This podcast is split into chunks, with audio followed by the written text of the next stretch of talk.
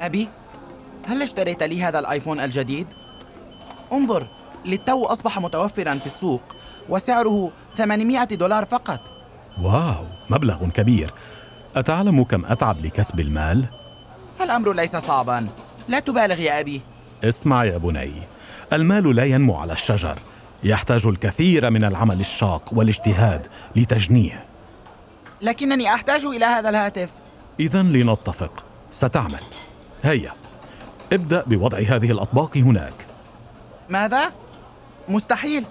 هل أبدو لك كنادل؟ انسى الأمر. سأطلب من أمي. أمي أين أنت؟ أنا في المطبخ هنا. تعال. أمي أريد الآيفون الجديد. أبي بخيل ولن يشتريه لي. لكنني أعتقد أنك اشتريت واحدا جديدا قبل أشهر. كان الإصدار الأحادي عشر وهذا الإصدار الثاني عشر.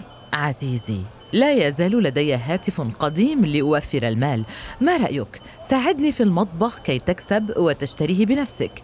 يمكنك البدء بمساعدتي بهذه الأطباق. واو! كلا هذا مستحيل. أنا لن أغسل الأطباق. أتعرفين ماذا؟ انسي أنني طلبت منك أي شيء. لكن بني هل ساعدتنا؟ هل أبدو لك كعامل؟ فقد دعني وشأني. أعرف أنك مستاء بسبب الآيفون. إذا ساعدتنا في أعمال المطعم سندفع لك. نعم وبما سندفعه يمكنك شراء الآيفون. أنا لا أصدق. أنا لن أعمل هنا. أنا سأجد وظيفة في مكان ما ولا أريد منكما أن تشتريا لي شيئا. أنا سأشتريه بنفسي. غادر عمر مصمما على إيجاد وظيفة وشراء الهاتف بنفسه.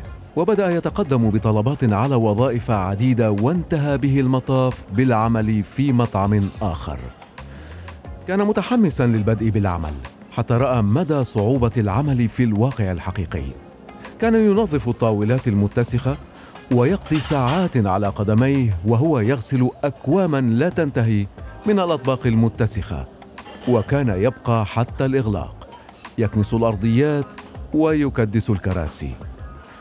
عندما حصل على راتبه الأول فتحه بحماس لكنه لم يصدق المبلغ الضئيل الذي جمعه بعد عمله الشاق وفهم مدى صعوبة جني المال.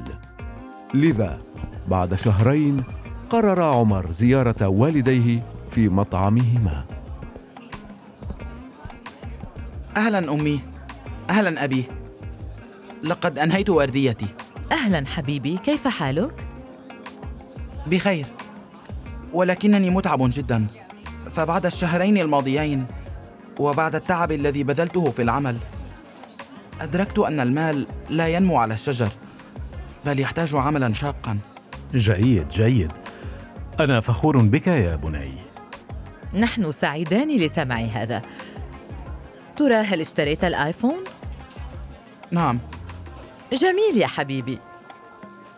لكن أنا لم اشتريه لنفسي بل لك أنت يا أمي. أعرف كم عمر هاتفك. تحتاجين إلى هذا الجهاز أكثر مني بكثير. ماذا؟ لا يمكن أن أقبل هذا يا عزيزي. هذا تعبك. أمي رجاء. أنا مصر. أنت وأبي تتعبان كثيرا. في الحقيقة تعبتما طوال العمر لأجلي. أنت تستحقينه لا أعرف كيف أعبر. وأبي أنا سوف أساعدك. هذا يعني لي الكثير. أنا فخور بأنك كبرت وأصبحت واعيا ومدركا. أحبكما وأشكركما على تعبكما معي طوال هذه السنوات.